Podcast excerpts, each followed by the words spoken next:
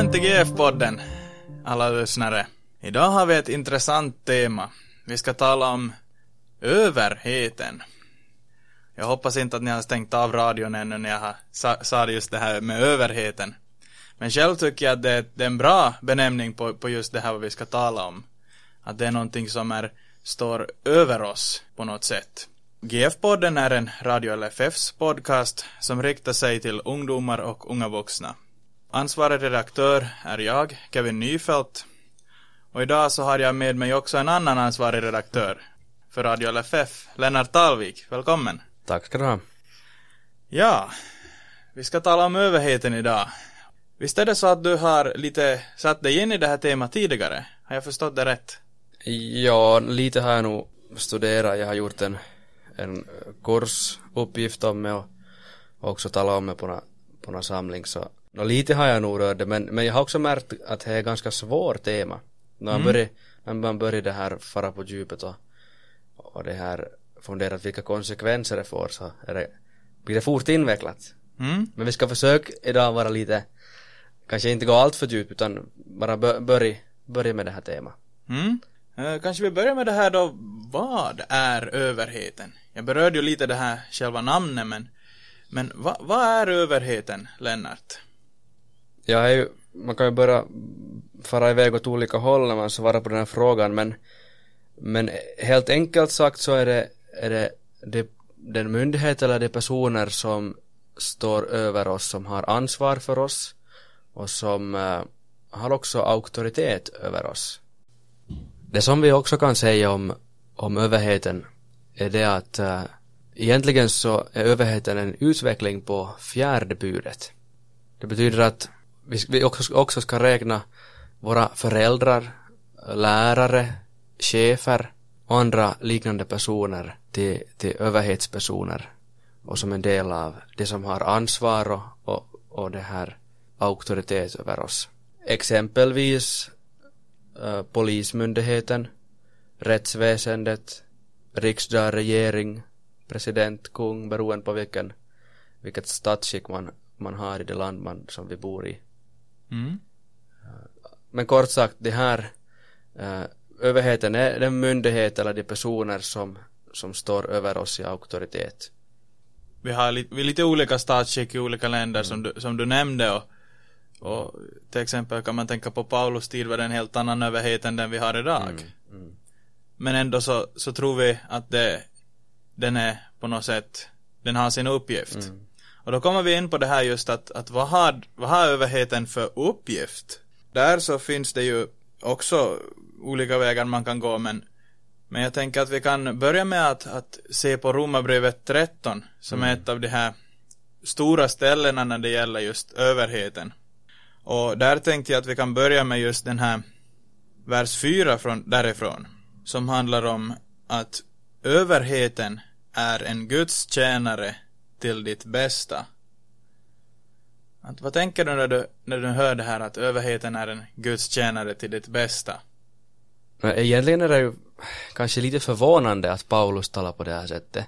Paulus, han har ju blivit fängslad och förföljd av sin överhet. Då skriver han brev till sina kristna vänner och säger att överheten är Guds tjänare till ditt bästa. Ja, det är lite skrattretande Det är li lite som ironiskt på ett sätt. Men samtidigt så verkar det som att Paulus har, har liksom, han har fått en insikt om vad det handlar om. Mm. För mig så säger det också att, att Gud verkar såna, på sådana sätt som, som kanske inte man direkt skulle tänka att det här är Guds verk. Att man mm. behöver ha så att säga trons ögon för att förstå att okej, okay, det här är Guds verk. Men på vilket sätt verkar då Gud? Vi har ju ofta pratar vi om, om den här, ska vi säga hur han verkar på ett andligt sätt och, och sen så säger vi nog att, att överheten på något sätt också verkar för Guds bästa. Skulle du, skulle vi kunna förklara det här att, att, att Gud har, har olika sätt att verka på? Eh, det finns en, ett sätt att förklara det som, som äh, i luthersk tradition äh, har ju varit att man, man talar om att, att Gud styr världen på två sätt. Mm. Genom sin högra hand och sin vänstra hand. Och i den här högra handen, som ibland har kallats för Kristi högra hand, så styr Gud i sin kyrka, i den kristna församlingen. Och här är det Guds ord som är det här som han regerar med. Och alldeles särskilt evangelium. Så i, genom sin högra hand i kyrkan så föder han människor på nytt, gör dem till kristna och, och skänker evigt liv. Men sen i den här vänstra handen så styr också Gud i världen. Och det här är då överheten eller, eller, eller staten eller det här världsliga styrandet i samhället. Och här regerar Gud inte med sitt ord utan med, med svärdet. Mm. Alltså genom bestraffning och, och på det här sättet så upprätthåller Gud ordning i vår värld. Mm. Genom överheten, myndigheterna så straffar Gud oss för, för brott och fred och ordning upprätthålls i, i samhället. Så på det här sättet har man talat om att Gud styr på två sätt genom sin kyrka och genom, genom uh, det här världsliga styrandet i, i samhället. Mm. Och båda två är Guds verk. Mm. Jag tycker det är intressant du säger här för fjärde versen som vi börjar nyss på så, så fortsätter också med, lite med det, det du nämnde också att men gör du det onda ska du vara rädd för överheten bär inte svärdet utan orsak. Mm. Den är en Guds tjänare, en hämnare som straffar den som gör det onda. Och det där var ju det här att, att överheten bär det här svärdet. Mm. Alltså, jag ännu skulle kunna tillägga när du frågar att jag kommer att tänka på med den här fjärde versen och, och det här Guds tjänare. Uh, I det här Romarbrevets trettonde kapitel så är det intressant när det talas om Guds tjänare att det här två, han används två olika ord. Mm. Och de här orden känner vi i alla igen. Det, det här första ordet är diakonos. Mm. Så överheten är Guds diakon. Och sen senare så sägs det att, när det sägs att igen att, att överheten är Guds tjänare så står, står det att, att på, på grekiska då att överheten är Guds liturg. Okej. Okay. Och de här två, de här två orden känner vi igen från, från uh, församlingslivet. Så senare kom det här att användas som om de här så att säga kristna tjänsterna eller, eller de här uppgifterna i församlingen som diakon och liturg som leder gudstjänsten. Intressant. Jag tycker det här är intressant att, att de här samma orden uh, så används, används också om, om överheten att är Guds diakoner och liturger. Jag har inte tänkt på det på det här sättet. Ja. Det var verkligt, verkligt intressant. Sen så kan man ju också fundera, vi har lite berört det här men, men jag tänker att, att vad Jesus säger om överheten och, och varifrån den har fått sin makt. Uh, så där tänker jag att, att vi, vi kan gå, gå in till ett bibelställe som, som handlar om lite ett, kring Jesu korsfästelse och före det. Mm. Så det tycker jag, tycker jag själv är ett intressant ställe. Att det just där kommer på något sätt en undervisning av, av Jesus om överheten mitt i mm. allt det här vad han mm. uh, går igenom. Och han säger då i Johannes evangeliets 19 kapitel vers 10 så här. Eller Pilatus säger till Jesus. Pilatus sade till honom. Talar du inte med mig? Vet du inte att jag har makt att frige dig och makt att korsfästa dig? Jesus svarade, du skulle inte ha någon makt alls över mig om du inte hade fått den från ovan. Och, och, det tycker jag är ett, ett intressant ställe att, att Jesus verkligen det är, inte, det är inte så här som man tänker att, att Jesus inte ska ha talat om det alls. Mm. Utan Jesus har också på samma sätt som Paulus undervisat om överheten och att, att den är från Gud. Det betyder också att överheten äh, står till svars inför Gud äh, för hur, hur liksom överheten äh, utför sin uppgift som, som den har fått. Och det, det är ju intressant som vi kan senare gå igenom också att, att hur, hur mm. den ska stå till svar så mm, mm, och hur, vad som händer när, när det här som du talar om, de här två händerna går emot varandra. Mm.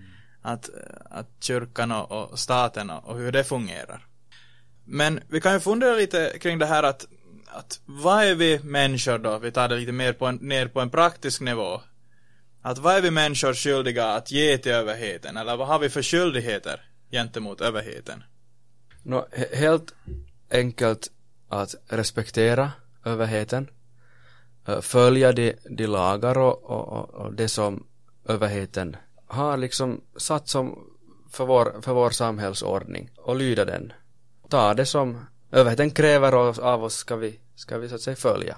Mm. Betala skatt, uh, mm. följa, följa liksom olika bestämmelser i arbetslivet eller ja, Mm. På alla områden egentligen så, så är det vår uppgift som framförallt som kristna som förstår att överheten är Guds tjänare att vi, vi, vi, vi lyssnar och, och respekterar och, och lyder den.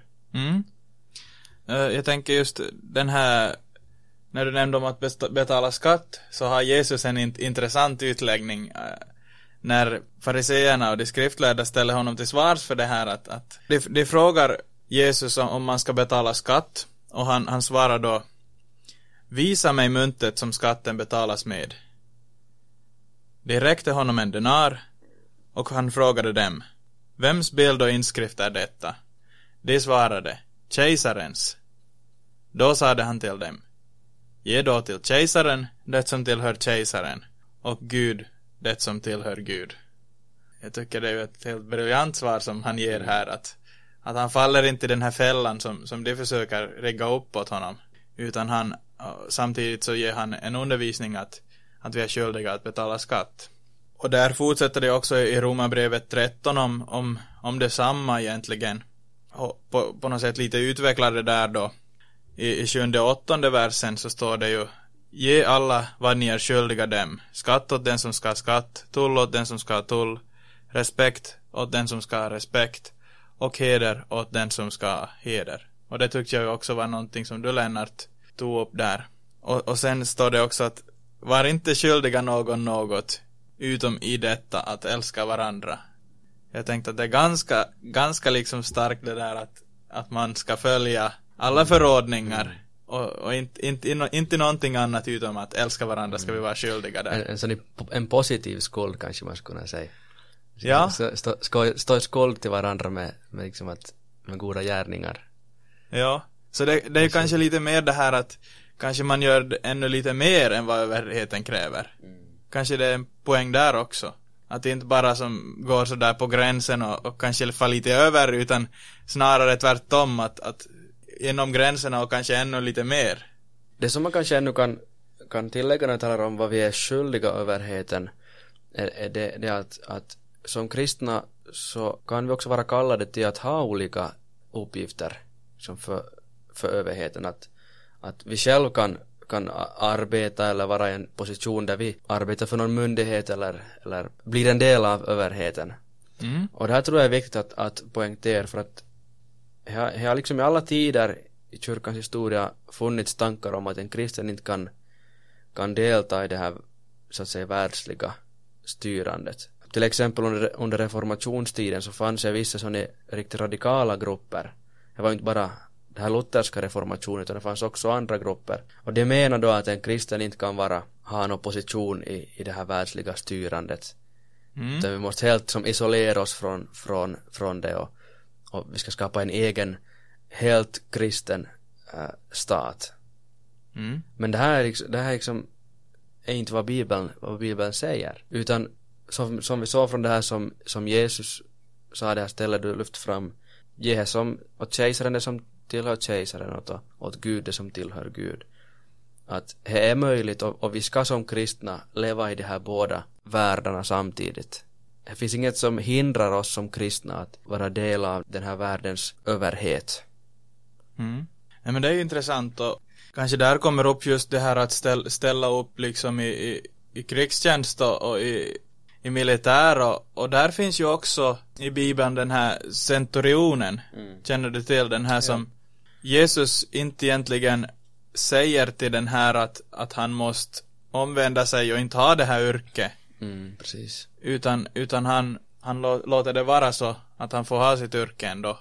Och, och där är ju orsaken till att vi kan som kristna vara med i sådana här, till exempel vara soldat i vårt, i vårt eget lands försvar, är ju för att eh, vi har ju det här Jesu ord i bergspredikan predikan om att vända andra kinden till. Och det används ju av vissa då att okej, då kan man inte vara soldat. Mm. Men just som du säger så, säger ju, så, så talar Jesus också till soldater och, och, och kallar dem inte till omvändelse. Och det finns också andra ställen som, som tydligt visar att en kristen kan vara i de här uppgifterna. Att när jag, när jag som soldat och kristen är i tjänst så är jag inte längre någon privatperson. Jag, jag handlar inte bara det här med min egen person. Utan då skyddar jag min familj, min granne, min nästa, mitt land mot någon som vill förstöra och som vill ont. Och den här, den här liksom rätten har en, en överhet att, att som skydda sig mot det onda, förstörelse och, och allt sånt här. Också genom att själv använda en viss mängd av våld till exempel.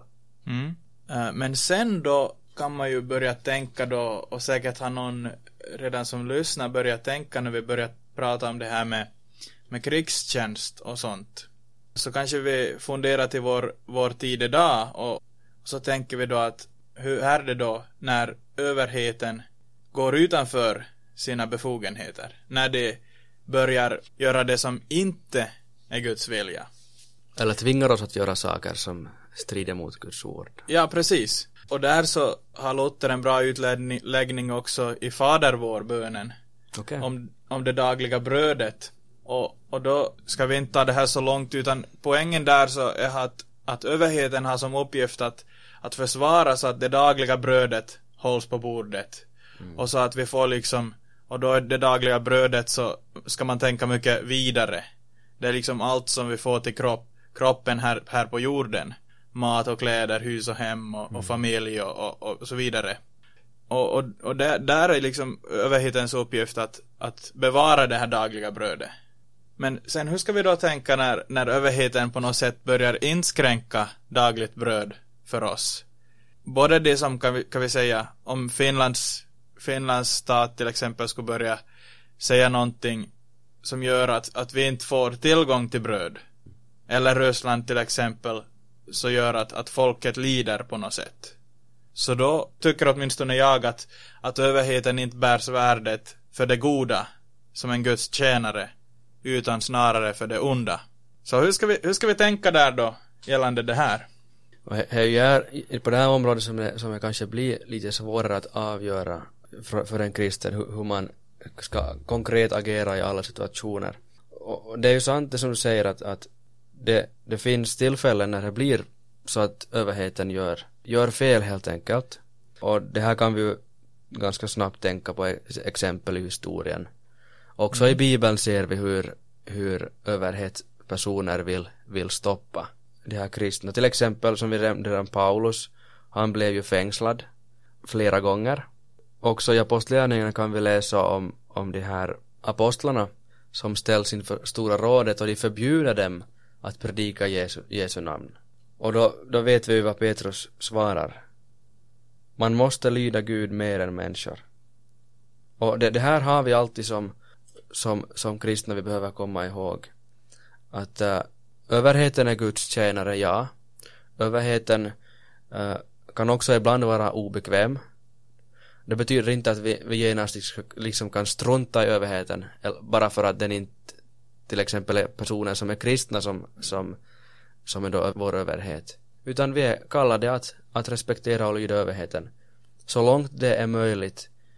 Eh, men då när överheten börjar kräva av oss att, att göra eller handla på ett sätt som strider mot, mot Guds ord. Då är vi tvungen att säga till överheten att jag kan inte göra det här. Jag måste lyda Gud mer än människor. Mm. Och, och det, jag tycker det är bra det du säger för om det betyder det att vara myndighetens vän i något fall betyder det att vara Guds ovän. Så då, då är det helt klart så att man måste värdera Guds vänskap högre än, än mm. vänskapen med, med myndigheterna. Mm. Sen så är det ju så att vi kanske inte håller med i alla frågor som du nämnde lite där att, att det kanske inte alltid är bekvämt. Men vi, vi ska alltså följa där, där vi kan. Men vi kan inte förneka Guds ords sanningar för att följa myndigheterna. Precis. Och, och här finns ett, ett liksom tydligt exempel här från Tyskland på 30-40-talet. Där det var en stor kamp uh, i, i Tyskland bland kristna att hur man skulle förhålla sig till, till nazismen. Mm. Och, och där var det många som inte som inte längre kunde lyda sin myndighet eftersom de hade sett och hört och förstod vad som pågick med hur man behandlar judar och andra folkgrupper.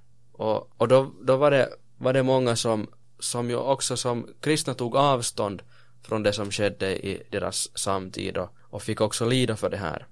Men det som, som jag tror är viktigt här och som en av de här en teolog på den tiden sa då att, att i de här situationerna så behöver vi ha ett, ett evangeliskt råd, alltså att man samlas äh, kristna och funderar att hur ska vi agera när, när, när sådana här hemska saker händer. Det här var alltså från Tyskland på 30 och 40-talet.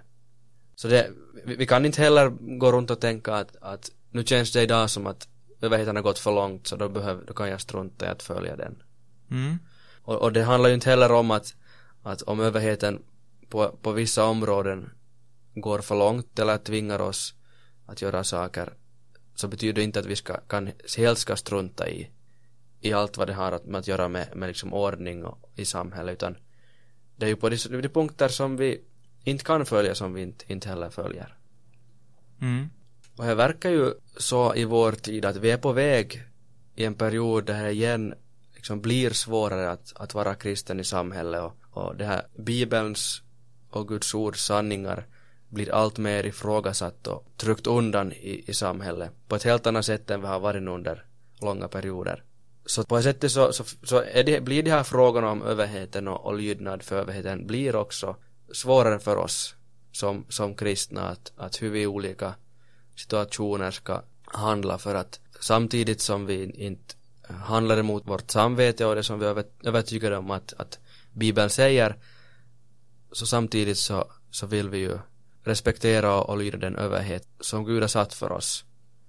Så jag tror att vi, vi har, vi hamnar och brottas med den här frågan nu som kristna idag på ett annat sätt än vad man kanske gjorde för 50 eller ja, 100 år sedan.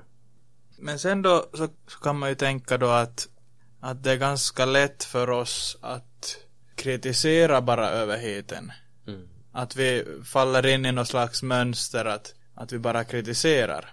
Men Guds ord säger ju att vi ska be för överheten. Och det tror jag är viktigt för oss att komma ihåg att vi, att vi ber för överheten, vi ber för vårt lands regering, riksdag och president och, och ber att Gud ska bevara dem så att vi kan leva ett lugnt och stilla liv. Ja, det här är otroligt viktigt och en sak som jag har ibland tänkt på alltid i samband med det har varit olika val i vårt land så har det slagit mig hur vi i kyrkans förbön i gudstjänsten? Så ber man ju ofta för överheten. Som ju helt rätt och riktigt som du säger. Och där har det slagit mig att att egentligen har ingenting förändrats från en söndag till nästa när vi har haft ett val.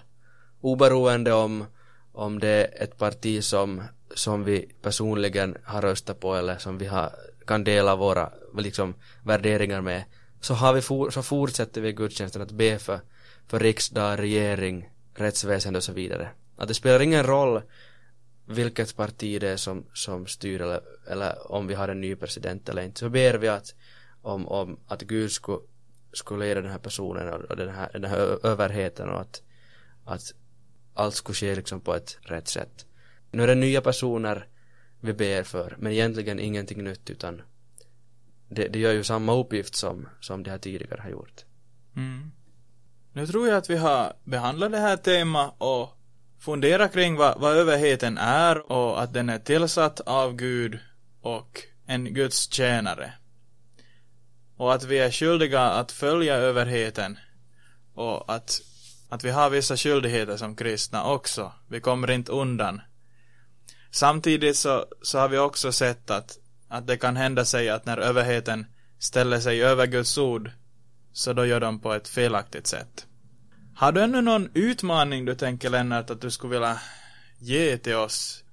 Jag tänker det kan vara bra att, att läsa Romarbrevets trettonde kapitel. Vi, bara, vi plockar ju bara några verser därifrån men det finns ett helt kapitel som som väldigt nu kraftigt och tydligt talar om det här så läs Romarbrevet 13 och fundera på att, att vad betyder det här i praktiken äh, i mitt liv idag som studerande eller arbetare eller, eller på annat sätt i, i, i vårt samhälle idag.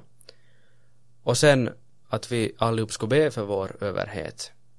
Mm. Att vi skulle, att vi skulle få en, få, ha en, en bra överhet och en överhet som, där vi kan leva i, i, i lugn och ro och i trygghet där vi får leva i, i frihet som, som kristna. Vi har tänkt, om det passar att jag skulle läsa till sist en, ett bibelord från första Timoteus brevet som talar om just det här, om, om bön. Mm. Jag tycker också jag sammanfattar ganska bra det här, som vi har talat om. Först av allt uppmanar jag till bön, åkallan, förbön och tacksägelse för alla människor, för kungar och alla i ledande ställning, så att vi kan leva ett lugnt och stilla liv, på alla sätt gudfruktigt och värdigt. Detta är gott och rätt inför Gud vår frälsare, som vill att alla människor ska bli frälsta och komma till insikt om sanningen. Mm. Så tackar vi för det här avsnittet. Tack Lennart för att du var med. Och så tackar Tack vi själv. också lyssnarna. Guds frid. Guds frid.